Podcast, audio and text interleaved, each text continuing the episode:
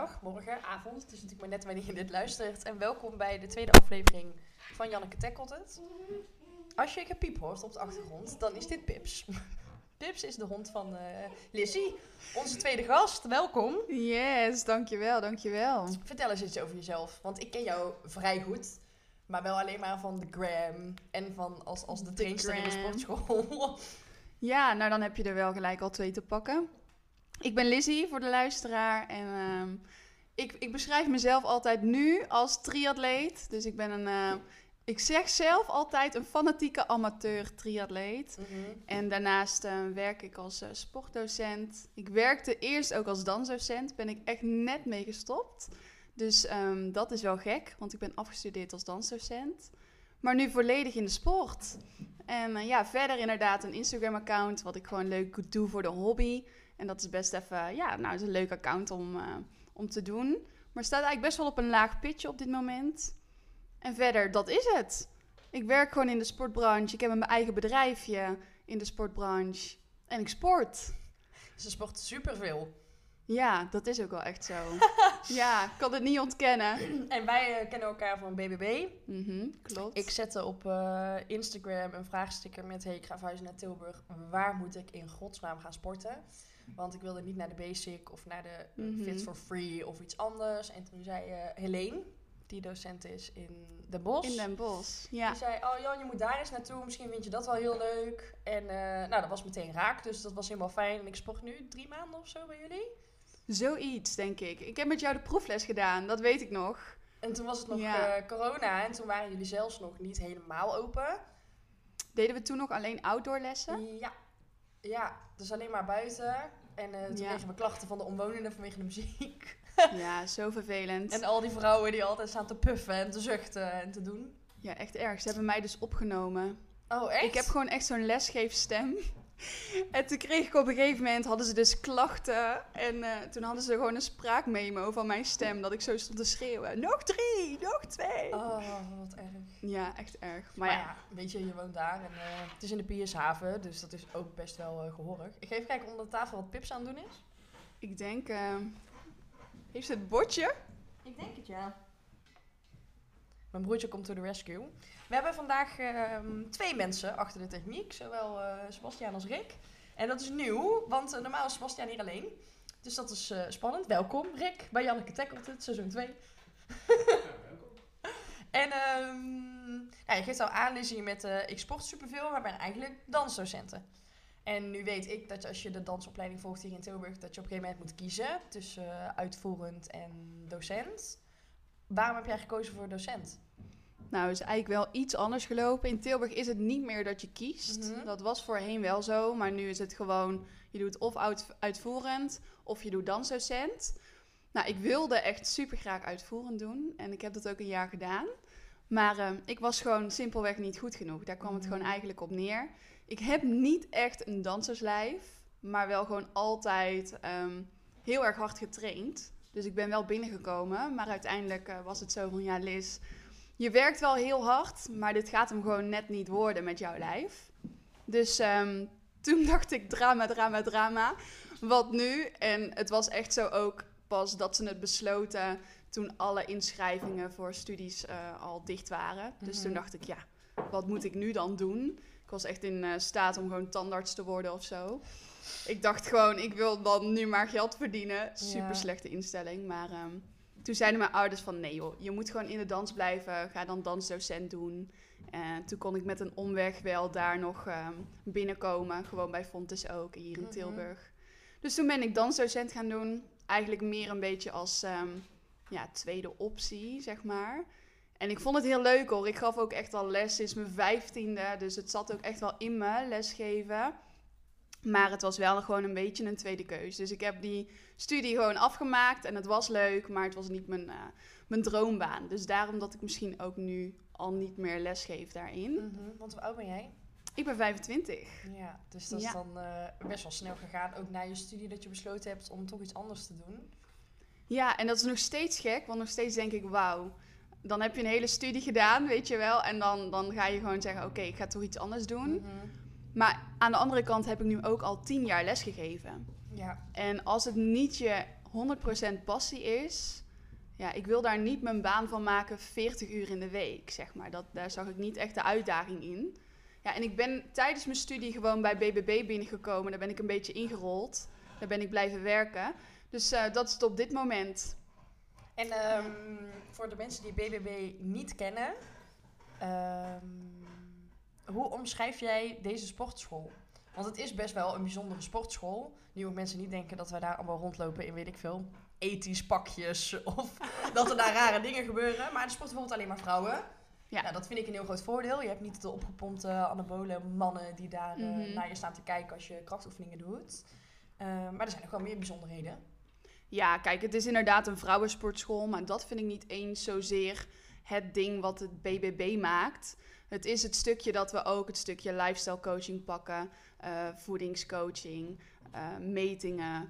ehm, vergeet ik er nou nog één? Ik denk dat dat eigenlijk het belangrijkste is. We werken gewoon holistisch, zeg maar. Het is niet alleen sporten, want dat kan je overal. Maar we pakken er nog een stuk naast. En dat zit vooral gericht op het stukje food en het stukje mind. En ehm, dat vinden we daar gewoon heel belangrijk. Nou en ehm, er zijn een soort eieren die warm worden. ja, de mannen hier links kijken me aan alsof ik iets heel geks zeg. Maar Lisa gaat het nu uitleggen. Ja, jij noemt het een ik ei. Ik ben ook de enige, volgens mij, die zegt dat het een ei is. Maar het voelt als een soort science fiction film. Janneke zet op haar Instagram story. Ja, ik sport hier in een sportschool en dan sport ik in een ei. Zo gelachen. Nee, het zijn warmtecabines. Het is een soort cabine, ja, een soort ei waar je in kruipt. Daar lig je in je eentje in. En het wordt daar eh, 40 graden binnen. En dan doe je eigenlijk allerlei oefeningen gewoon liggend. Eh, het is ook maar een half uurtje. Want je skipt eigenlijk heel je warming-up. Die heb je niet nodig door de hitte. En de cooling down skip je ook. En ehm, ja, door de hitte blijf je wat langer doorverbranden. Dus daarom dat het voor heel veel dames die ehm, af willen vallen, die willen shapen, heel erg ehm, goed kan werken. En waarom heb jij gekozen voor lesgeven bij BBB? Want er zijn heel veel sportscholen in Tilburg. Ja. Waarom bij hun? Ik ben er eigenlijk ingerold. Mhm. Dat is echt, het is niet dat ik zelf heel bewust heb gekozen van ik ga daar naartoe eh, omdat het een holistische sportschool is en eh, omdat dat bij mij past of zo. Ik ben, ik ben eerst bij een andere sportschool begonnen. Ook een ladies only eh, sportschool toevallig, maar dat was veel meer groepslessen en eh, zelf heel veel meesporten. En toen ben ik op een gegeven moment hier gewoon gevraagd, zo van, hey, is dit niet wat voor jou? Ja, en toen hebben de, eigenlijk de eigenaressen mij wel kunnen enthousiasmeren. En voor mij was het ook een uitdaging om dat stukje voedingscoaching en lifestyle coaching. En ja, mental coaching klinkt een beetje eh, te heftig, vind Mhm. ik. Maar toch wel een klein deeltje daarvan. Dat is voor mij ook de uitdaging. Want daar was ik ook nog niet helemaal in thuis. Dus vandaar dat ik dacht, ja, dit wil ik gewoon doen. En het, is, het gaat wat dieper dan puur alleen een les geven en dan zeg je weer doei. Wat ik mooi vind is dat je echt iedereen kent. Ik ken Ja. letterlijk van iedereen een naam. Mhm. En het is niet zo, ik heb eh, twintig dames achter me en ik ga jullie eh, even helemaal stuk maken. Dat is ook leuk, maar hier zit nog een diepere laag onder. Zeker, ik heb ook het idee dat iedereen geen nummer is. Nee. Dus dat iedereen ken je persoonlijk en ook onderling is het heel gaat het en een hele relaxte sfeer. En, eh, dus als je een sportschool zoekt in Tilburg, dan is het een aanrader. Ja. Ehm, jij benoemt net al met, eh, het is ook een stukje mentaal. Ehm, nu ben jij lichamelijk natuurlijk echt super fit. Mensen zien jou niet in de podcast, maar dat, dat zie je ook en ook door alles wat je doet. Nu eh, heb ik jou gevraagd, omdat ik heel graag een fit girl wilde, die niet helemaal fit girl is. Ik zie jou nooit in bikini-foto's. Eh, noem bijvoorbeeld Gabi Blazer als even een heel goed voorbeeld, die Oh, natuurlijk mega fit girl is. Ehm, die ook een filmpje had van de week met haar vriend die haar optilt. En dat ik dacht, wow, mijn vriend kan dit niet. ik weet ook niet of ik dat wil of zo. Maar zij is echt typetje fit girl. Eh, jij bent dat niet. En daardoor onderscheid je jezelf. Maar krijg je daardoor wel bijvoorbeeld vooroordelen van meisjes die dit wel zijn? Of ben je daardoor onzeker soms? Nee, echt totaal niet. Ik, ik snap wel jouw jouw beeld van fit girls en zo zie ik het zelf ook. En daarom, ik noem mezelf wel een fit girl als in... Ik ben echt een fitte meid en daar ben ik trots op en heb ik, daar werk ik nog steeds keihard voor. Maar ik ben niet de fit girl van Instagram, inderdaad. Ja, je zult misschien ooit een keer een eh, foto van mij in een bikini zien, maar dan is het echt sporadisch, omdat ik op vakantie was. Ja. Maar verder, nee, ik ben gewoon echt, zeg maar, mijn Instagram-account is gewoon ook om te laten zien van ehm, sporten is gezond, sporten is leuk. En, en eh, als je iets wilt bereiken op het gebied van sporten, dan moet je daar gewoon iedere dag voor werken. En het is voor mij niet ehm, op de looks gericht, als je snapt wat ik bedoel. Mhm, Zeker. Want ik kan ook wel in een ehm, bikini gaan staan en mijn billen showen, maar daar voel ik mezelf niet eens comfortabel bij. Zo ben ik gewoon echt niet. En daar gaat het mij ook niet om. Nee. Dat, maar nee, ik krijg daar geen eh, reacties op hoor. Niet eh, dat ze zeggen, oh waarom doe je dat niet? En heb je, ehm, social media is natuurlijk niet altijd een leuk platform.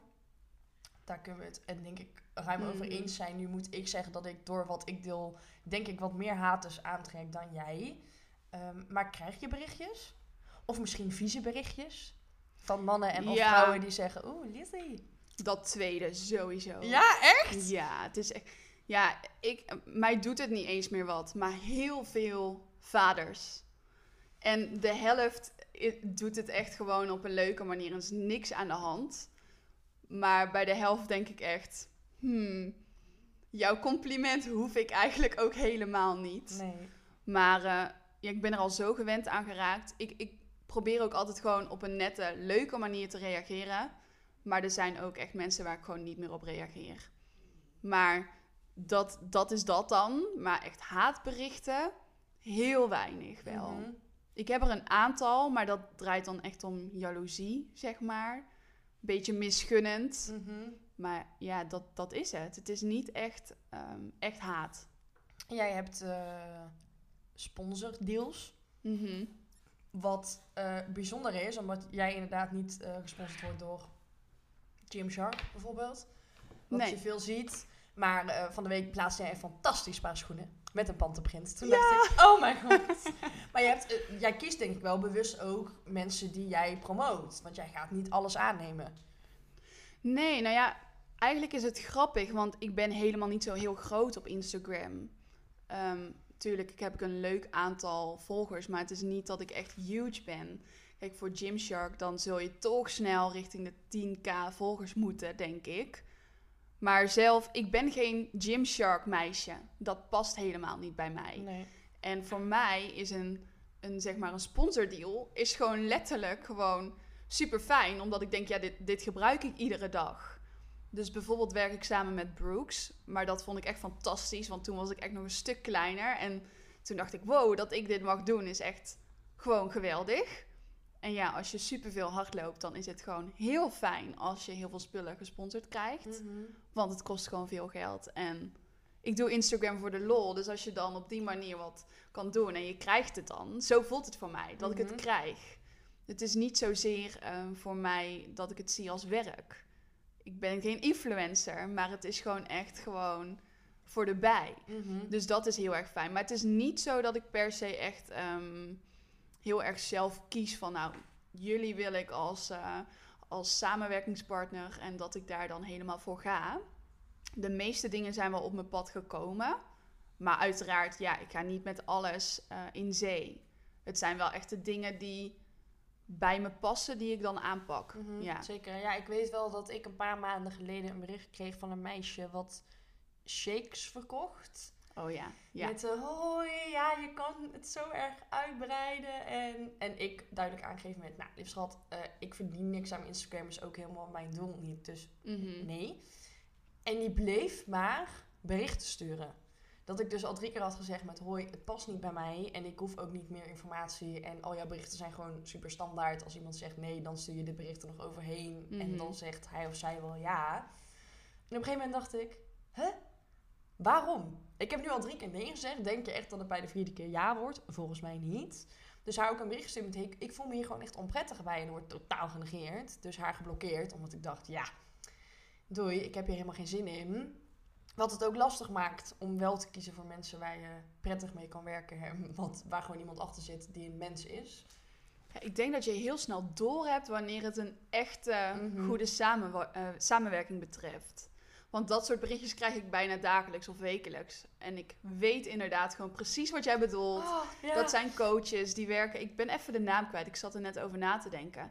Je hebt zo'n heel groot netwerk, een sportmerk met shakes die ze verkopen. En dat Mhm. is echt zo'n piramidestelsel. Dus als jij zorgt dat iemand anders het ook gaat verkopen, krijg jij weer commissie.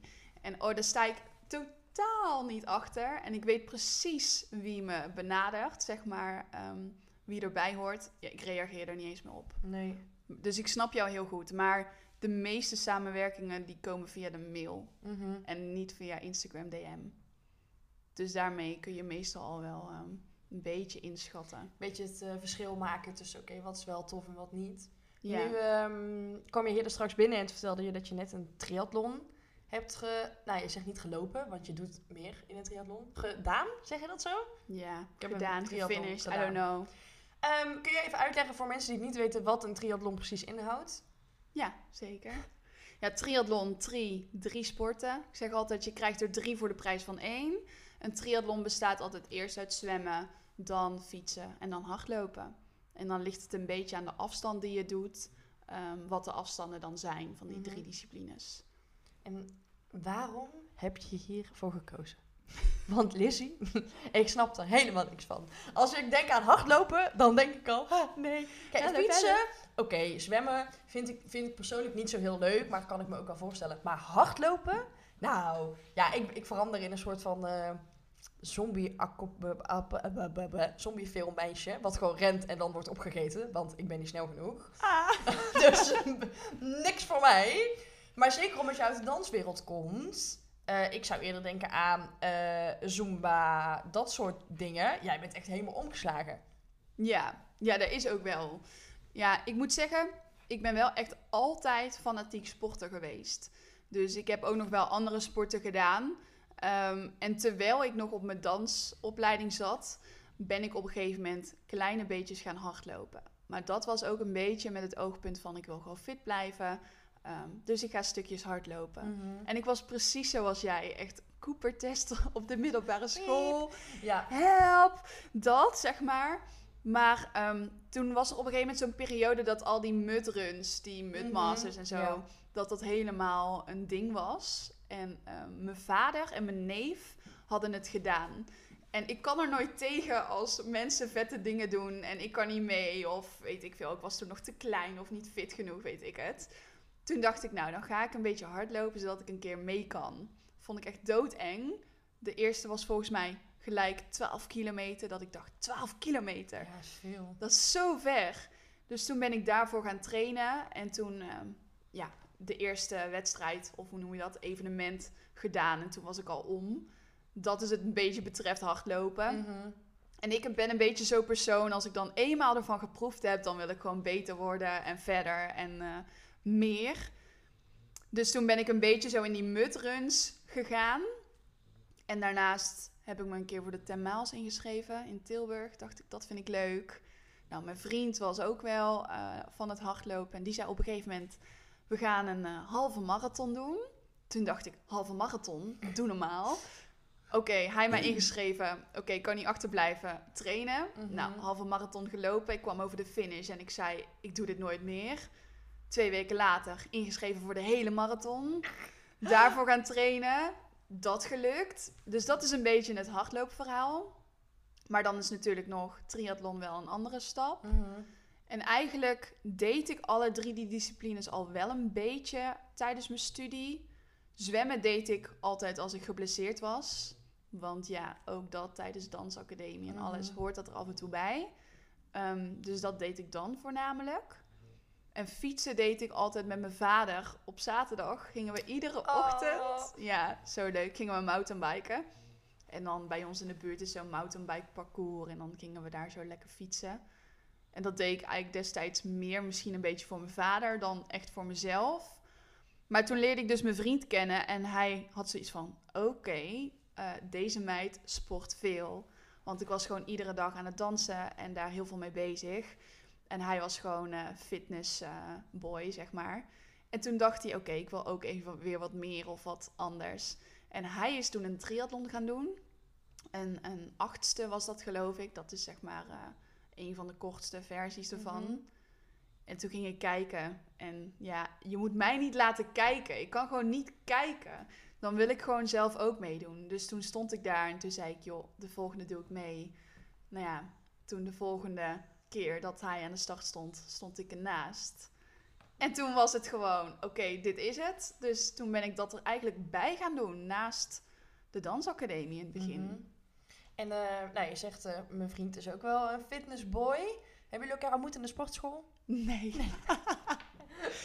dat, dat zou leuk zijn, maar het was gewoon met carnaval. Oh, heerlijk. Mhm. Nou ja, met carnaval. eh, drink jij? Destijds nog wel, ja. En nu niet meer? Ik drink wel, maar echt weinig. Maar dat komt ook een beetje door corona. Ik wil gewoon, ik ben zo iemand, ik wil drinken gewoon lekker als ik uitga. Mhm. Nou, dat, eh, hoe lang is het dan niet mogelijk geweest? Dus ja, ik ga niet eh, mezelf bezatten thuis. Da- ja, daar zie ik echt niet Nee. een beetje de lol van in. Dan denk ik, ja, dan ben ik morgenochtend brak, terwijl ik morgen gewoon moet trainen, zeg Mhm. maar. Ja. Ehm, en ik drink af en toe een wijntje bij een diner of zo. Maar nee, ik ben niet echt van de drank eigenlijk. Niet En, meer. ehm, ja, want ik kan me wel voorstellen dat als je wel nog carnaval viert en op stap gaat... en dat je dan denkt, nou, ik ga gewoon meezuipen, hè? Eh, heb je de keuze gemaakt echt omdat je veel aan het sporten was... om te zeggen, ik ga minder drinken? Of is dat vanzelf gekomen? Beetje van beide, denk ik. Ik was tijdens mijn studentenperiode gewoon eh, normale student hoor. Dus toen heb ik gewoon ja, Zeker hier in Tilburg, jongens. ja, genoeg gedronken. En ook eh, ja, eigenlijk veel meer vanaf mijn zestiende, denk ik, tot mijn 21, 22ste. En daarna ben ik gewoon serieuzer geworden in sport. En toen dacht ik echt alleen maar, ja, dan voel ik me een hele ochtend shit. Mhm. Terwijl als ik niet train, dan word ik gewoon niet beter. Zo zie ik dat. En het heeft dan niet per se eh, meerwaarde meer voor mij. Ben jij op alle vlakken in je leven competitief? Ja, wel op veel. Ja, denk ik wel. En waar uitzicht dat in? Jeetje. Ik weet niet, ik wil gewoon altijd het beste of zo. Niet per se het beste zijn, maar wel het beste proberen te zijn, wat dan in mijn ogen hè, het beste is. Mhm. En Ik denk dat. ehm, bij mij gaat er meteen een dingetje branden met eh, een burn-out, Lizzie. Mhm. Zit je daar nooit tegenaan? Of heb je nooit zoiets gehad van... Oeh, ik vind het eventjes veel. Of eventjes lastig. Of jij legt gewoon veel druk op je eigen schouders. Dat herken ik heel erg. Ik heb dat op andere gebieden dan sport. Jongens, echt. Ik kan best een beetje sporten. Maar verder houdt het wel op. Ehm, maar je bent ook nog super jong. Ja, kijk, ehm, ik herken heel goed wat je zegt hoor. Ik, heb, ik ben zo iemand, ik kan niet echt stilzitten. Mhm. En soms denk ik, oh, kan ik alsjeblieft rust hebben? En als er dan rust is, dan denk ik, waarom? Waarom doe ik dit? Hier is niks aan. Dus ik wil inderdaad altijd heel veel doen. En soms zijn er inderdaad wel momenten dat je denkt, oeh, dit is wel echt even te veel. Mhm. Maar op de een of andere manier heb ik wel het gevoel dat ik altijd het aanvoel als het too much is. Mhm. En dat ik dan op tijd kan zeggen, Lizzie, eh, rem erop. Dat, denk En ik. Heb je, je hebt een stabiele thuisbasis natuurlijk. Je Ja. woont samen. Mhm. Ze hebben een fantastische nieuwe hond. Ja, Die nu ligt te slapen op de bank, denk ik. volgens Ja. mij wel. Ja. Echt helemaal leuk. Dus je hebt een hele stabiele thuissituatie. Ehm, durf je goed nee te zeggen? Ja. Enorm. Mhm. Ik ben denk ik ook echt iemand die heel makkelijk voor zichzelf kan kiezen ten opzichte van. Of nou ja, oké, er zitten twee kanten aan. Kijk, ik kies heel vaak voor mezelf en voor mijn training. Dus het voelt voor mij alsof ik dan nee zeg. Mhm. Maar het is heel vaak niet dat mensen mij echt iets hebben gevraagd. Snap je een beetje wat ik bedoel? Ja, ja, ja. Dus in mezelf denk ik, oké, ik zeg nee tegen eh, vier keer in de week samen eten met vriendinnen of dergelijke. Maar hun weten het ook heel goed van mij. Lizzie is gewoon bezig met dat. En als ik ervoor kies, dan kies ik er heel bewust voor van ik ga dit wel doen. Maar er zijn zeker wel momenten dat ik denk, oké, ik moet wel ook nog een beetje sociaal blijven. Mhm. En dan denk ik, maar ik leg het meer bij mezelf. Het is niet dat als iemand mij wat vraagt, dat ik per se denk, ik moet ja zeggen. Maar zelf denk ik, oké, ik moet wel sociaal blijven. Dus ik moet af en toe wel even gaan. Mhm. Snap je enigszins Ja. wat ik bedoel? Zeker. En eh, nou, jouw vriend zal dit gewoon accepteren natuurlijk. Want jullie wonen samen. En nou ja, goed. Geet en ik wonen ook net samen. Sommige dingen moet je gewoon accepteren van elkaar. Eh, en dat is ook goed. Maar vriendinnetjes, zeker van jouw studententijd, ik kan me voorstellen dat die zoiets hebben van, oeh, Liz, ik begrijp dit niet. Nee, echt helemaal niet. Nee, want hun kennen mij. Mijn beste vriendinnen zijn allemaal van de middelbare school. Mhm. En we zijn nog steeds vriendinnetjes. En iedereen woont door heel Nederland. En sommigen zijn echt super sociaal, maar die hebben daardoor dus ook echt vijf vriendinnengroepen. Ehm, dus ze hebben zelf ook heel weinig tijd. Wij zijn Mhm. niet zo'n vriendinnengroep die per se ieder weekend samen moet zijn. En hun weten gewoon, bij Lizzie is sport gewoon een prioriteit. En bij een vriendin van mij zijn dan ook nog twee of drie andere vriendinnengroepen prioriteit. En dat matcht super goed. Dus echt helemaal niet zelfs. Wat super fijn is. En heb je ooit mensen gehad die wel zeiden van, hé hey Lizzie, je bent altijd maar aan het sporten? Ja, maar niet op de manier van: hey, kom ook eens. Mhm. Of hallo, hier ben ik. Maar meer op de manier van: doe je niet te veel. Mhm. Dus wat je eigenlijk net ook al vroeg, hè, van zit je wel eens tegen een burn-out aan? Ik zei het al aan het begin, ik ben echt een fanatieke amateur. Dus ik train gewoon gigantisch veel. En mensen kunnen dat zich niet voorstellen dat dat zeg maar ehm, in je voordeel werkt. Dus dat je daar beter van wordt. Mensen zien alleen maar 15 uur, 20 uur in de week. Dat is gewoon bizar veel. Neem eens rust. Terwijl dat dus niet mijn insteek is. Ehm, ben je mentaal minder kwetsbaar omdat je zoveel sport? Oeh, dat is wel een goede vraag. Zeker met het, ehm, eh, nou ja, het zicht op eh, hormonen, op dat je natuurlijk superveel serotonine aanmaakt omdat je sport. Ehm, ik weet wel dat toen ik niet sportte, eh, nu deed ik tijdens mijn depressie sowieso niks, behalve op de bank zitten, pizza eten en huilen. Mhm. En naar therapie gaan, of course. Ehm, maar nu merk ik dat als ik... Ik had het gisteravond. Toen voelde ik me niet zo heel chill. Mijn fiets was gestolen. Bleek Ja. uiteindelijk niet zo te zijn. Gelukkig. Maar ik voelde me gewoon even niet zo heel lekker. En, en dan denk ik, oh, misschien moet ik even een homeworkoutje doen. Terwijl als je mij anderhalf jaar geleden had gevraagd... Jan, wat ga je dan doen? Dan had ik gezegd, ja, ik pak een zak chips. En dan ga ik Mhm. een serie kijken. Eh, ik merk dan aan mezelf dat ik me beter voel. Ik weet ook dat ik een paar weken geleden een bericht kreeg met... krijgen we voor- en na-foto's nu je weer hard aan het sporten bent? En ik dacht echt, eh, nee. Daar Waarom- gaat het voor mij niet om. Waarom zou ik dat delen? Eh, boeit me echt, echt geen rol. Ehm, ik merk dat ik mezelf echt beter voel door het sporten. Terwijl mijn motivatie is echt niet zo hoog eh, als dat ik zou willen. Nu moet ik wel zeggen dat ik ehm, me pas één keertje afgemeld heb omdat ik toen migraine had. Ja, toen kon ik echt niet sporten. Maar dat ik me wel elke keer weer naar de sportschool sleep met Jan. Ook als je geen zin hebt, ga gewoon. Het is maar een uur. Hoeveel is een uur nou eigenlijk in je dag? Ehm, dus ik merk dat ik zelf minder kwetsbaar word. Nu kan ik me voorstellen dat in jouw geval dat ook zo is, omdat je gewoon heel erg fit bent. Ja, dat is misschien een beetje moeilijk voor mij, omdat ik gewoon echt al jaren iedere dag sport. Op mijn vijftiende danste ik al zes dagen in de week. Dus ik weet het bijna niet anders. Ik herken wel heel erg het gevoel van... Oké, als je hebt gesport voel je je fit. En je krijgt gewoon achteraf... Tenminste, de meeste mensen voelen zich achteraf altijd beter. Als ze het eenmaal gedaan hebben. En dat er- ervaar ik ook nog iedere dag. Want ik moet mezelf ook echt heel vaak naar mijn training toeslepen. Het is echt niet dat ik iedere dag sta te springen. Ja, helemaal niet Met zelfs. yay! Nee, natuurlijk nee, niet. En het is natuurlijk niet. ook nog jouw werk en je begeleidt andere mensen erin en je bent wel heel erg bezig met hetzelfde ding. Ja, Heb je andere hobby's? Behalve Pips? Pipsje. Pips? Pips is de hond, jongens. Nee, ja, nee, het is echt... Ja, klinkt nou zo obsessive. Nee, nee, nee, helemaal niet. Maar het is, weet je, ik heb ook heel weinig hobby's en ook weinig vrienden. En ik doe gewoon, weet ik veel, vijf dingen. En dat is het. En er zijn heel veel mensen die dan zeggen, ja, ik schilder nog. Of ik eh brei, bijvoorbeeld. Of Ja, eh, weet ik nee. veel. Ik ben echt gewoon puur sport. Het is zo stom. Als ik het nu zo zeg, denk ik, jeetje, Liz. Maar nee, het is echt sporten, waarin, vriendinnen, eh, familie. Ja, en waarin vind jij dan je ontspanning? Behalve sport. Ja, nee, dat. Mhm. Oprecht, zeg maar gewoon ook. En mediteren?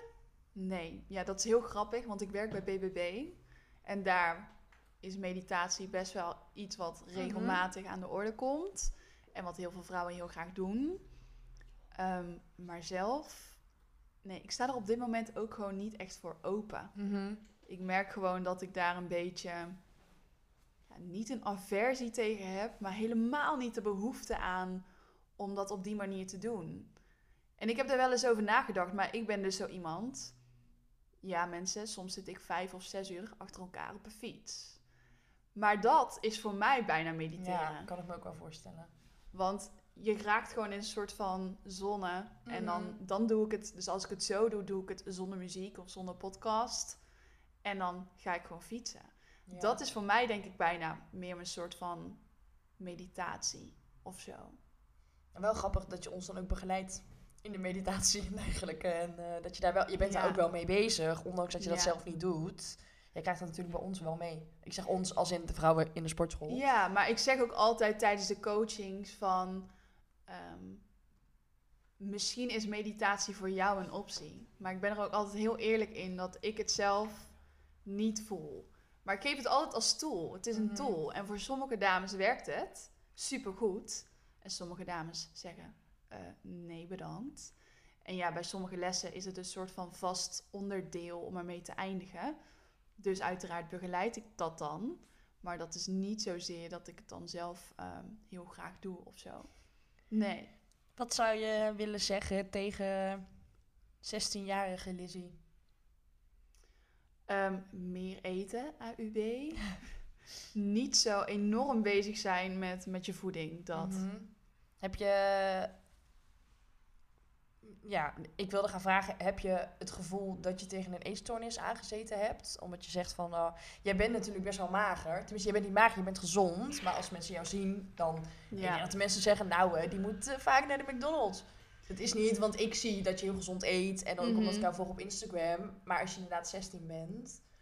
Nou, weet je wat het is? Ik was echt zo'n meisje. Ik heb hierover nagedacht, namelijk. Ik dacht, dit zal vast nog wel komen. Ehm, nee, ik heb niet tegen een eetstoornis aangezeten. Als in, ik wist altijd precies op tijd van... Liz, nu ga je te ver. Je moet wel blijven eten. Ik heb nooit ehm, mijn vinger in mijn keel gestoken. Ehm, nooit mezelf echt uitgehongerd. Maar ik was er wel heel obsessief mee bezig. Mhm. Als in, het was echt mijn ideaalbeeld is gewoon ehm, super strak zijn. En ik vind een sixpack bij vrouwen, ik bedoel, het hoeft niet letterlijk al die blokjes te zien, maar gewoon echt een strakke gespierde buik, heb ik altijd super mooi gevonden. En dat was altijd een beetje mijn ideaalbeeld. Terwijl ik er nu achter ben dat als ik dat wil bereiken, dan moet ik iedere dag naar de sportschool. En ehm, je krijgt hem niet door fit te zijn, als je snapt wat ik bedoel. Mhm. En, en als jonge, jong meisje dacht ik, oké, gewoon super gezond eten, dan gaat het komen. En super veel sporten. En, en ik was ook helemaal in de band van Rens Kroes. Mhm. Ik weet niet of je haar Ja, kent, met haar superfood. En ik was gewoon op mijn veertiende al dat meisje met eh, avocado op de boterham. Toen iedereen echt nog zei van, wat is dat voor groene smurrie op je brood? Moet er nu om lachen, want nu kent iedereen het. Ja. Maar ik was echt in het begin dat mensen zeiden: Jeetje, wat eet jij nou? En ehm, als ik op een verjaardag kwam, wist heel de familie dat ik geen taart at of geen chips. En het werd ook niet meer gevraagd. En dat wilde ik ook het liefst zo. Maar dat is echt wel heel lang zo geweest. Dat het gewoon was: Oké, Lizzie is er. Nou, die drinkt water en die, ehm, die eet niks ongezonds. Mhm. En ik deed het echt, zeg maar, voor mijn gewicht en mijn gezondheid. Ik maak nu tussen haakjes tekens, omdat ik het gewoon... Ik wilde gewoon fit worden, zeg maar. En dan als ik een keer vakantie had, dan mocht ik van mezelf ineens alles eten. Koekjes, snoepjes, chips, want stiekem ben ik gewoon een Bourgondier. Mhm. Dat is dan misschien nu gek om te horen, maar het is wel zo. En dan kwam ik gewoon in één week drie kilo aan of zo. Ja, tuurlijk. Want dan ga je allemaal vetten eten die je normaal nooit binnenkrijgt. Bizar. En Ja. daar deed ik dan weer een half jaar over om het eraf te krijgen. En ja, op een gegeven moment dacht ik wel, oké Lizzie, nu moet je gewoon een beetje normaal gaan doen. En eh, je bent hartstikke slank. En dat heb ik ook altijd geweten hoor. Het is niet dat ik mezelf ooit dik heb gevonden. Maar ik vond gewoon altijd dat het net nog even beter kon. Mhm. En ehm, nou, studententijd, toen was het allemaal prima, gewoon mooi gebalanceerd. En toen ik wat meer richting mijn eerste halve triathlon ging trainen, toen dacht ik ook weer, oké, nu moet ik gewoon echt even weer helemaal flink aan de bak en gezond. En gewoon op een goede manier, maar Mhm. ik ben er nu achter dat als ik alle lekkere dingen helemaal skip, dan word ik helemaal gek. Dan, dan kan ik alleen maar daarover denken. Ja. En zag nu, ik gisteren op jouw Instagram dat je friet hebt gegeten. Dus ja, maar dat kan ik ook gewoon prima Ja. eten. En nu ook. Ik heb twee, drie weken geleden weer een halve triathlon gedaan. Ja, en qua voorbereiding, letterlijk gewoon de andere kant. Ik eet gewoon alles wat ik wil, waar ik zin in heb. Ik denk dat er, sorry dames van BBB, wel drie of vier dagen per week een zak chips ingaat, bijvoorbeeld. Nou, eerst had ik echt gezegd, doe even normaal, dat kan echt niet. En dan had ik mezelf slecht gevoeld. En nu denk ik, ja maar Liz, je sport zoveel, je kan het makkelijk hebben. Mhm. Je basis is goed. En ik sta met hetzelfde gewicht aan de start als toen ik twee maanden lang een soort van ging crashen en alleen maar sla en eh, groenten mocht eten. Hetzelfde gewicht. Dus Mhm. waarom zou ik mezelf het onthouden? En nu denk ik echt, oké, joh, ik eet gewoon lekker wat ik wil. En ik eet echt niet op het meest... eh, nee, ik ben helemaal niet nu mega gezond. Maar de basis is goed. Mhm. En ehm, wat zou je als tip meegeven voor meiden, eh, nou vooral jonge meisjes, die inderdaad misschien wel struggelen met, oh ben ik te dik, die zich heel erg eh, ehm, een soort van optrekken aan de meiden op Instagram. Zou je een soort van ehm, moederlijk advies willen geven? Ja, vind ik wel een lastige. Want ik heb altijd twee zijdes. Ik vind het namelijk wel heel belangrijk dat ook meisjes van 16 goed voor zichzelf zorgen. Mhm. Als in, je hebt natuurlijk ook genoeg meisjes die alleen maar energiedrankjes drinken en eh En frikandelbroodjes. En frikandelbroodjes. En tuurlijk mag dat af en toe, dat is het niet. Maar het heeft niet altijd positief effect op je. Dus voor hun zou ik zeggen, denk af en toe gewoon aan een gezonde maaltijd. Want je gaat je beter voelen. En aan de meiden die zeg maar, zich herkennen in het verhaal wat ik net heb verteld. Be chill, doe rustig. Als je basis gezond is... Ja, eigenlijk moet ik gewoon zeggen 80-20 Mhm. de basis is gezond en dan in het weekend ga je lekker je ding doen. Je kan gewoon stappen. Je kan gewoon naar een verjaardagsfeestje. Je kan gewoon een wijntje pakken op het terras. Als je maar gewoon de rest van de week een soort van stabiele basis hebt. Ja, geen wijn drinken onder de 18. Dames en Nee, heren. precies. en ehm, wat is iets wat weinig mensen van je weten? Oh jee. Mm. Ik denk dat ik ehm, stiekem hartstikke zorgzaam ben. Dat, denk ik. Omdat mensen mij dus altijd zien als dat sportieve meisje dat alleen maar aan het trainen is. Maar ik heb ook echt wel die kant van ehm, familie en eh, willen zorgen voor mijn vriend en dergelijke. Je moet sowieso altijd wel een beetje zorgen hè, voor je vriend. I know. Dat zit er een beetje in. I know. Als je gaat samenwonen, dan krijg je een soort van kind. I know. en moet je de was gaan doen. En eh, ja, zo Ja. heel normaal. En ehm, als ik aan jouw vriend vraag, beschrijf Lizzie in drie woorden. Wat zegt hij dan? Behalve Ehm. verschrikkelijk knap. Ik ben super verliefd op de. We gaan trouwen, weet ik veel. We gaan trouwens zo even niet snel horen zeggen, denk Nee? ik. Nee. Ehm, ik denk ehm, gedisciplineerd, dat hij Mhm. dat noemt. Lief, gaat hij zeggen. En ja, wat is dan de derde? Goeie vraag wel. Moeten we hem bellen? Nee, neem niet op. Gedisciplineerd, lief.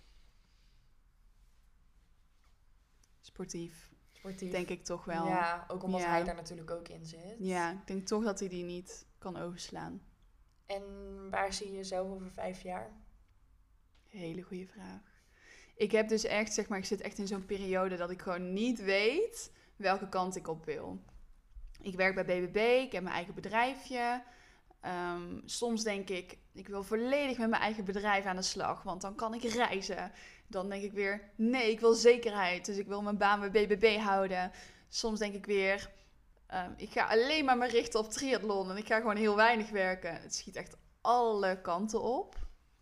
Maar ik denk dat ik over vijf jaar nog steeds gewoon lekker aan het sporten ben. Misschien mijn eigen bedrijfje, dat het net even wat groter deel is. Want eh, kun je even uitleggen wat je doet? Ja, tuurlijk. Ik ben ehm, hardloopcoach online en triathloncoach. Dus wat ik eigenlijk doe is mensen begeleiden naar een, eh, zeg maar wat, half triathlon of naar een vijf kilometer wedstrijd eh, of een marathon. En dat doe ik dan online. Dus ik heb echt atleten vanuit Nederland, België, Luxemburg. super leuk om te doen. En eh, Marathon New York? Ja, ooit. Is dat, dat is zo'n ding, hè? Dat zie ik zeg maar alleen maar in van die verschrikkelijke Amerikaanse series. ja. En dan denk ik, oh ja, dat, het lijkt me gewoon heel vet. Sowieso heel die ambiance en zo die daar is. En, maar dat lijkt me ook wel voor jou ook wel een soort van, van doel. Ook iets anders dan Ja. hier in Nederland. of En toch heb ik dat met New York niet zo sterk. Nee, want je hebt zeg maar de, de Big Five. En daar is New York er één van. En Tokio, geloof ik, uit mijn hoofd. En Berlijn. En dan mis ik er nog twee. Ehm, en ik hoor van iedereen die naar New York is geweest dat het echt gigantisch is. Mhm. Dus ik zou het zeker heel graag willen doen. Maar ik heb niet op dit moment zo mega die urge om hem daar te rennen. Misschien ook omdat ik een soort van geloof dat ik het ooit toch nog wel ga doen. Mhm. En het komt wel. En nu met corona is het allemaal gedoe. Dus heb ik een soort van al die dingen ver weg in het buitenland een beetje weggestopt. Want je benoemt net ook het reizen. Mhm. En ja, dat is nu misschien een gek onderwerp om daarover te praten. En ook een soort van ehm, onzeker. Want ja, we weten echt niet. Ik eh, begon met de podcast vorig jaar. Begin coronatijd omdat ik me verveelde. En ja, nu is het tweede seizoen en er is nog steeds corona. En we hebben ondertussen een, eh, een strengere lockdown gehad. Een avondklok. eh, mensen wel en niet op bezoek. Nou, noem het maar op. Ehm, heb je een soort van gemis na bijvoorbeeld het reizen? Ja, joh. Ik wel. Ja, ik weet niet. Mijn vriend en ik hadden echt gigantische plannen qua reizen. eh, het eerste jaar van corona. Dus toen hadden we echt eh, drie grote reizen op de planning staan. Twee van een maand of zo. En waar zou je naartoe gaan? We zouden naar Canada gaan. We zouden naar Mallorca gaan.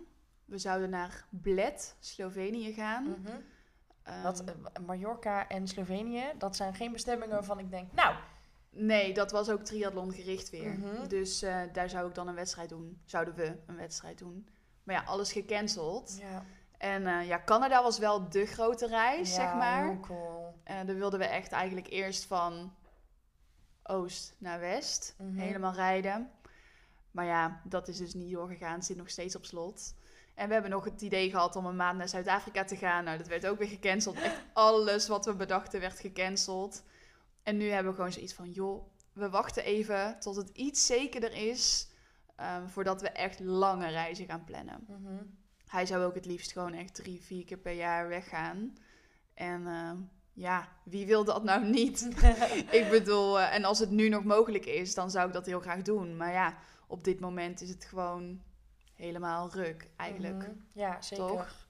Ja, absoluut. Ik merk wel dat ik, ehm, zeker toen de avondklok erop zat, toen liep ik nog stage binnen de jeugdzorg. Dus ik had een verklaring dat ik na de avondklok over straat mocht. Ja, En dan reed ik wel eens vanaf Breda terug naar Den Bosch.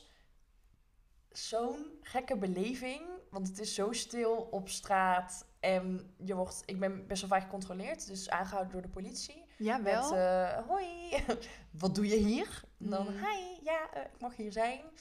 Ehm, ja, gewoon een hele gekke, gekke tijd is het gewoon geweest.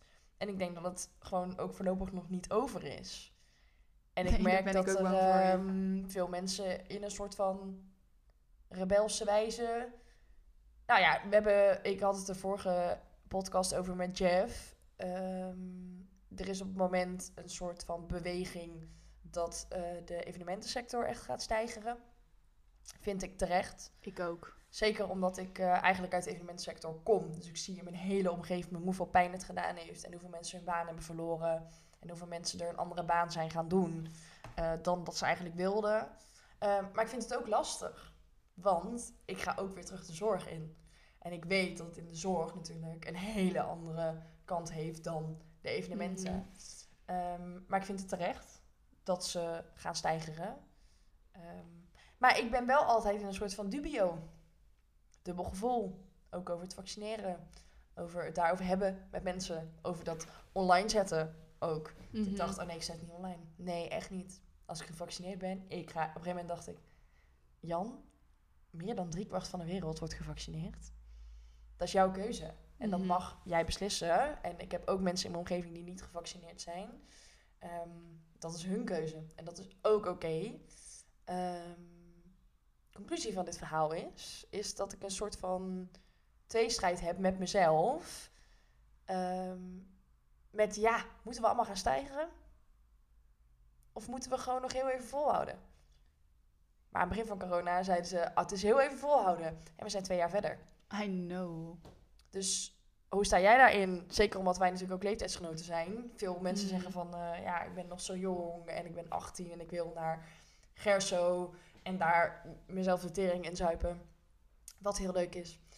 Eh, en de generatie boven ons, die hebben allemaal een vaste baan. Die krijgen gewoon doorbetaald. Die werken vanuit huis. Die hebben eventueel kinderen. Waar ze natuurlijk ook wel echt een pittige periode mee achter de rug hebben gehad toen de kinderopvang dicht was.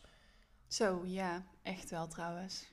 Ja, ik hoor Ja. toevallig van eh, mijn schoonfamilie, die inderdaad kleine kinderen hebben, dat ik echt denk, wow, Ja, doorwerken en homeschooling is echt niet is te echt, doen. eh, ja, ik ben blij dat dat allemaal een beetje achter de rug is. Maar in onze leeftijdscategorie, het is voor ons wel even erop of eronder nu. Ja. En we kunnen Ja. eigenlijk niks. Nee, ja, ik vind dit ook zo'n lastig onderwerp. Want ik heb er ook eigenlijk wel een hele duidelijke mening over. Want wat mij betreft zouden gewoon hoppakee alles weer opengooien. Ehm ik heb het gevoel dat wij als generatie, de jongere generatie, ehm, heel lang niks hebben kunnen doen voor de ouderen. Nu is in principe, zijn alle ouderen gevaccineerd, maar gaat het toch weer mis. En Mhm. het is zo lastig, omdat, tuurlijk, de, de overheid weet het ook niet. Maar ze beloven je constant iets of ze houden je iets voor en daar ga je in geloven. Eh, inmiddels niet meer, overigens.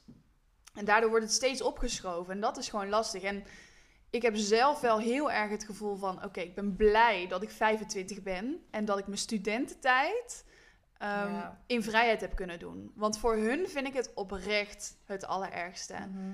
Ehm, geen eindexamenreis. Geen eindexamenfeestjes. Ehm, niet uit kunnen tijdens je studie. Nou, dat was oprecht toch de mooiste tijd. Ja, ik weet Mhm. niet hoe jij dat ziet, maar... Nou ja, ik ben natuurlijk nu ook weer aan het studeren. Ja. Dus ik heb online onderwijs gevolgd het afgelopen jaar. Eh, ik ben blijven zitten. Ehm, ik weet dat ik aankomend jaar wel weer naar school mag. Maar voor hoe lang? Eh, ik vond Zoom verschrikkelijk. Ja, Echt. zo logisch. Vreselijk. Ik kon me niet concentreren. Ik eh, ben gelukkig wel echt een lezer. Dus echt een boekenworm. Dus ik ben heel goed in het als ik stof interessant vind om dat echt te gaan doorlezen. Dus ook de colleges die ik toen nog op school had, was een beetje ginnegrappen. En eh het komt allemaal echt wel goed, omdat ik van mezelf weet dat ik qua boeken... Ja, dat je het zelf kunt. Ja. Maar mijn motivatie was super laag. Ja, ik snap het helemaal. Dus Ik vind het oprecht voor hun en voor alle studerenden, dus ook voor jou, echt erg. Want het is geen school zo. nee. En ehm, ja, kijk, studeren. Er zullen er een aantal zijn die echt oprecht het studeren leuk vinden. Maar ik denk dat heel veel mensen het doen voor alles ook erbij. Mhm. Ehm, ja, studeren. ehm, ik vond het prima. Maar het hele ding eromheen maakt het toch een stukje leuker. Ja. Ja, ik vind het oprecht erg, zeg maar, dat iedereen dan thuis zit. Dan denk ik, jeetje, als ik 18 of 16 of 20 was en ik zat alleen maar thuis, nou, dan is het ook niks aan. En het is ook, hè, dingen als vakanties, maar ook uitgaan en leuke dingen doen. Dat maakte dan eh, een soort van voor mij ehm, de week. Dus oké, het was saai op school, maar van het weekend ga ik dit en dit en dit doen. Ehm, maar over drie weken hebben we vakantie en ehm, gaan we op vakantie. Of heb ik een week dat ik weer weet ik veel wat allemaal ga doen. Ja. En dat is er nu gewoon niet. Waarom? Dat, ik snap, Ja. ja. dan is heel de waarom is weg. Heel je Mhm. motivatie is weg. Zeker. Want je hebt geen uitkijkpunten. Dus Dus ik, wat mis jij het meest? ja, ik mis dus vakantie het meest. Mhm. Omdat dat voor mij ook wel momenten zijn dat ik af en toe gewoon even, even niks kan. Ja. Even weg van werk. Even rust. Dat zijn voor mij dan ook weer die uitkijkmomentjes. Ja, jij hebt natuurlijk ook een tijd gehad dat de sportscholen dicht waren. Ja. Wat me echt dramatisch lijkt in jouw leven. Want wat heb je toen gedaan? Nou ja, mijn voordeel is dat ik dus drie onderdelen heb. Dus ik kan nog twee sowieso. Hardlopen kan je overal. Mhm. En fietsen kan je ook overal. Zwemmen, ja, dat ging dan niet. Maar oké, nou ja, dan heb je er nog twee over. Dus voor mezelf was het niet zo'n drama. Maar wat jij zei met Zoom en... eh, ja, ik heb dus eh, zoveel maanden les gegeven voor een scherm. En dan sta je uit na te werken voor twee live kijkers. zodat je denkt, waarom doe Ja. ik dit? En ja, ik geef les voor jou bijvoorbeeld. En voor alle andere dames die bij me in de les staan. Ik doe het niet voor mezelf. Helemaal niet, want nee. Eh, en dat vond ik heel lastig aan die periode. Ja. Om daar dan nog het enthousiasme zeg maar, in te vinden. En dan voor zo'n schermpje in je eentje eh, de workout te staan Ja. doen. Go, go, go! En dan, ja, zelf dacht ik echt, mag ik alsjeblieft stoppen? Ik wil niet meer. ik wil naar huis, jongens. Jij zwemmen in je badkuip. Ja, nee hoor, ik heb zwemmen gewoon geskipt. Ja, het was is gewoon, lastig. Ja, het was gewoon even zo. En eh, ik kijk even links van mij voor de tijd. Ah, Wauw. we, ehm, ik heb bedacht, ik wilde zeggen we hebben bedacht, maar ik bedenk altijd alles en die mannen hier die doen gewoon met mij mee. dat eh, de laatste vraag altijd is met wat wil je nog van mij weten? Oh, wat leuk. Want ik praat vrij veel. Maar in de podcast gaat het nooit over mij. En ik vertel wel Nee. dingen. En, en ehm, dat leek me een leuke afsluitvraag. Dus aan jou ook. Wat zou je graag van mij nog willen weten? Nou, laat me even nadenken, want die was ik niet op voorbereid natuurlijk. even denken. Nou, ik ben wel benieuwd ehm, hoe jij bij het werk terecht bent gekomen. Of wat je nu eigenlijk gaat doen, hè? Dus je gaat nu weer een stage lopen. Mhm. Hoe je daar bent ingerold. Want dat is ook gewoon wel echt... Ik heb het volgens mij kort over met jou gehad ooit. eh, toen ook bij BBB. Van hoe kom je daar terecht? En hoe kom je bij dat soort werk? Ehm, nou, ik heb aankomend eh, jaar een stage. ehm, dat is heel toevallig. Ik had een collega bij mijn oude stage. Die heeft bij dit bedrijf gesolliciteerd. Die was aangenomen ook, maar die is gegaan voor het andere bedrijf. Waar ik vorig jaar stage gelopen heb. En ik eh, heb daar gewoon de vraag neergelegd met... Hey collega's, hebben jullie een idee waar ik volgend jaar stage zou kunnen gaan lopen? Ehm, ik was toen al wel georiënteerd op Tilburg. Ik woonde toen nog in Den Bosch, maar ik had wel het vermoeden met... Oh, het gaat met Geert zo goed. Ik, de kans zit er dik in dat wij gaan samenwonen. Ehm, en daarnaast dacht ik, als ik in Tilburg stage loop... kan ik gewoon bij hem gaan logeren. Vind ik gezellig. En toen kwam dit. En eh, dit is ambulante jeugdzorg. Dus ik heb afgelopen jaar stage gelopen op een woongroep. Waar jongeren echt intern zitten en ook ehm, blijven slapen. Ook in het weekend. Gaan eventueel naar huis. is heel verschillend. Dus je bent daar ook echt opvoeder. En dit jaar is het ambulante jeugdzorg. Dus je gaat echt naar mensen thuis. En ik heb eh, het geluk bij een ongeluk dat ik een jaar langer ga studeren. Dus ook een jaar langer stage mag lopen. Ehm, mijn eh, visie was, toen ik begon aan deze studie, dat ik per se ergens intern wilde werken.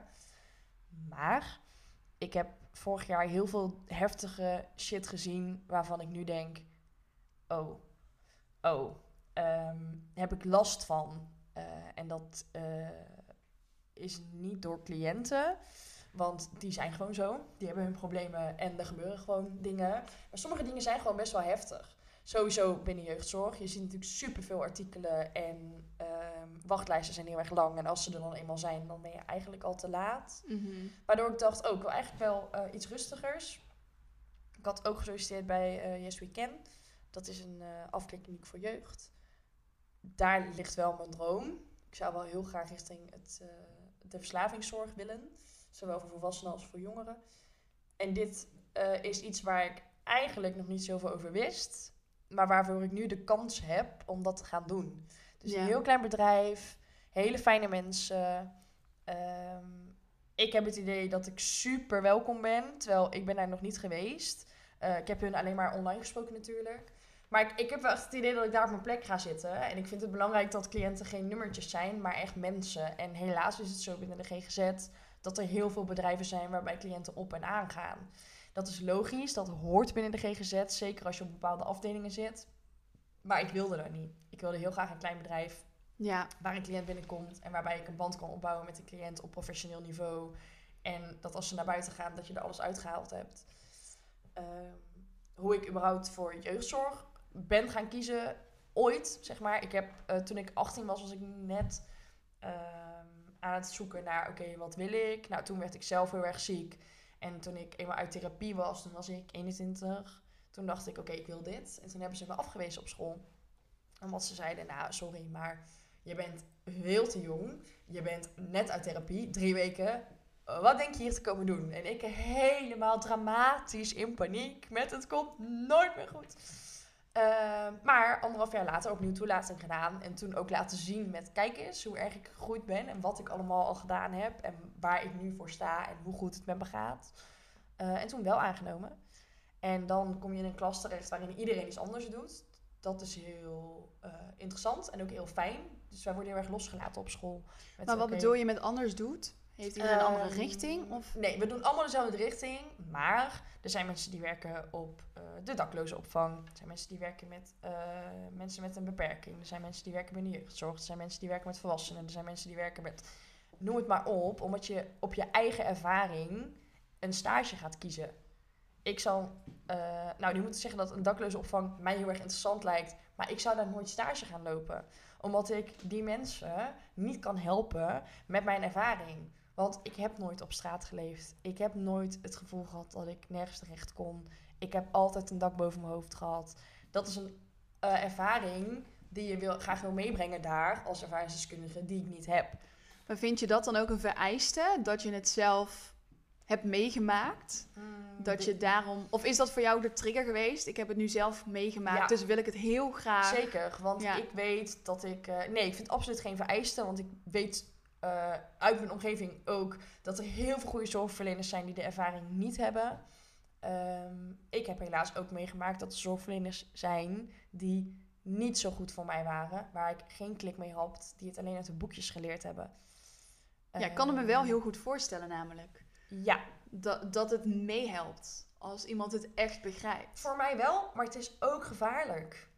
Ik heb als een cliënt zegt, eh, ik voel dit en dit. Ik voel dat, nou, tot, tot in mijn borstkas gewoon, dat het soms pijn doet. Omdat ik zo goed weet hoe een jongen of meisje zich voelt. Of alles daartussenin natuurlijk. Ehm, waardoor je het sneller mee naar huis neemt. Het is moeilijker loslaten. Eh, ik laat veel sneller tranen bij een cliënt dan iemand die ik niet ken. Ja, die het wat meer kan... eh, Ik ben veel feller tegen mijn collega's als er iets gezegd wordt met ja, we gaan het zo en zo aanpakken. En dat ik denk, ja, maar deze cliënt heeft ook nog gevoel. Ik ben niet altijd het lievelingetje uit een team. Ehm, omdat ik fel ben, sowieso van mezelf al. Maar ook omdat ik heel veel gevoel in mijn werk leg. Ehm, dat kan twee kanten opslaan. Vind je dat soms eng? Dat het twee kanten opslaat. Ja, zeg maar, je, je voelt het zo. Ik kan me ook voorstellen dat je soms denkt, oh, help. Eh, ja. Dat het ook voor jou wat doet. Zeker, zeker. Eh, ik vind het niet meer eng. En dat komt omdat ik eh, nou, de afgelopen twee jaar eh, heb geleerd dat als ik ergens kom en ik doe mijn werk zoals ik dat wil en waar ik me goed bij voel en het matcht niet, dan matcht het niet. Mhm. En dan ga je naar een andere organisatie of dan ga je op een andere manier werken of dan maak je een andere insteek. Of, en eh, ik moet heel veel leren nog. Ik ben pas één jaar op professioneel niveau bezig. Ik begin nu pas theorieën te krijgen die ik nog nooit van mijn leven gezien had. Ehm, maar ik sta daar wel heel erg voor open. Ik ben super leergierig. Ik eh, heb van de week gewoon een schoolboek gepakt met, oh, ik moet even iets aan school doen. Terwijl school begint, nou ja, over een paar weken, maar ook ehm, voor mij natuurlijk op een heel ander eh, level dan dat ik vorig jaar startte, omdat ik ben blijven zitten, dus ik hoef heel veel niet meer te doen. Ehm, er zullen mensen zijn die zeggen, ja, ervaringsdeskundigheid is moeilijk, want gevoelens, ze kunnen het niet loslaten, bla bla bla bla. Ja, dat klopt. En dat is juist onze kracht. Mhm. Heeft En- gewoon twee kanten, denk ik. Het heeft gewoon heel erg twee kanten. En je moet binnen een organisatie zitten die jou volledig gaan nemen zoals je bent. En helaas zijn we nog pioniers in het vak. Wordt dat niet overal geapprecieerd, eh, maar ook heel vaak wel. Mhm. En dan heb je de allermooiste ervaringen. Dus soms denk ik, was ik maar gewoon blij achter de kassa bij de Albert Heijn. Dan was mijn leven echt een heel stuk makkelijker geweest. En soms krijg ik berichtjes van een meisje op Instagram die zegt... Oh mijn god, ik heb superveel aan de dingen die jij deelt. En daar doe ik het voor. Mhm. En natuurlijk zit ik hier ook wel eens op de bank en dat Geert denkt... Oh god, komt je weer aan met een moeilijk verhaal of ehm, met emoties die niet per se van mij zijn, maar die ik wel kwijt moet. Ehm, maar ik ga nooit met lood in mijn schoenen naar school of naar stage. Want ik denk altijd weer, oké, let's go, er weer tegenaan, we gaan weer mensen redden.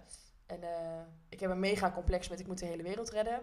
Nou, dat heb ik ook afgeleerd. Meteen, de eerste week op school, was het meteen.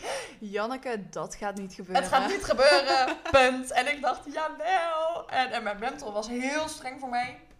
Eh, waardoor wij niet altijd klikten en wel veel gebotst hebben. Maar die zei gewoon, je gaat niet naar die wilt redden, punt. En in het begin dacht ik, ja, doei. En nu denk ik, ja, hij heeft echt gelijk. Mhm. En al red ik er maar één. Of al is er maar één iemand die over drie jaar zegt... Oh, de stagiair van toen was eigenlijk wel een top 5. Dan is het dan goed. Ja, maar daar doe je het voor, toch? Daar doe je het voor. Ja. Dus jeugdzorg is absoluut niet makkelijk. En ik denk dat je heel stevig in je schoenen moet staan. En, maar als... Nou, een vriendinnetje van mij, Rosa, werkt ook binnen de zorg. Die zei, zorg zit in je. Daar kies je niet voor. En ik denk dat dat wel eh, iets is waar ik me nu aan vasthoud. Dus Roos, shout-out naar Roos. Gewoon Jee. gelijk en het zit gewoon in je. Ik krijg eh, al twee keer een seintje links dat de tijd voorbij is. Wil je nog iets eh, kwijt? Nee, ja, nou, misschien is dat wel een leuke. Wat jij nu zegt, hè, het zit in je. Ehm, ik denk dat dat met heel veel is. Kijk, sport zit in mij, zorg zit in jou.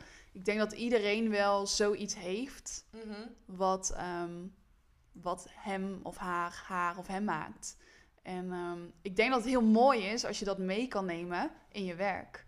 Ehm, dus stel je denkt, hey, dit vind ik super, super leuk en dit komt altijd terug. En je weet niet wat je wil doen. Ga daar maar eens kijken. Nou, dit vind ik een goede afsluiter, Liz. Yes! Nou, ehm, dankjewel voor het luisteren. Dit was de tweede aflevering van seizoen 2 van Janneke Tackelt. En eh, ik zie jullie eh, de volgende keer. Goodbye.